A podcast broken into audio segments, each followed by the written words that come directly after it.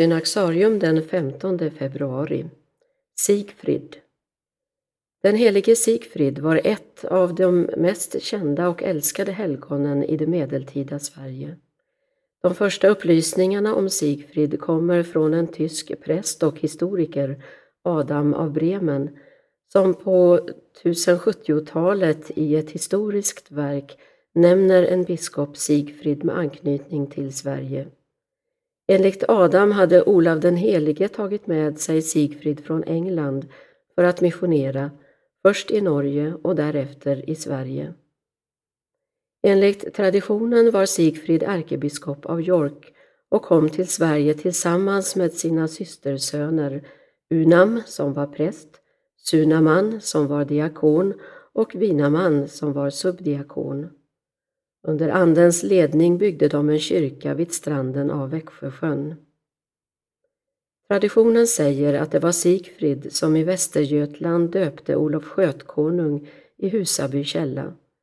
Medan han var där överfölls och mördades hans systersöner av en skara Värendsbor. När Sigfrid återvände till Värend fann han ett träkar med sina fränders avhuggna huvuden flytande på Växjösjön. Den nydöpte kungen tågade in i Värent och tvingade förövarna av morden att betala ett stort skadestånd i guld och silver.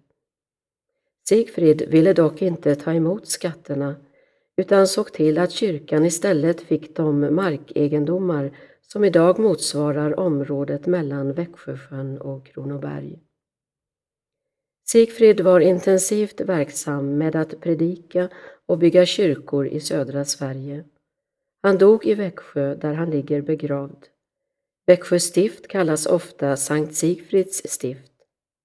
År 1942 grundades Sankt Sigfrids folkhögskola med Sankt Sigfrids kapell nära Växjö.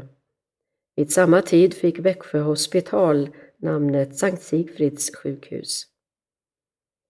En källa vid Vallsjö gamla kyrka utanför Sävsjö är namngiven efter Sigfrid och traditionen säger att han här fick se en källa springa fram ur berget. Framför källan återfinns två gropar i berget som sägs vara märken efter den helige Sigfrids knäskålar.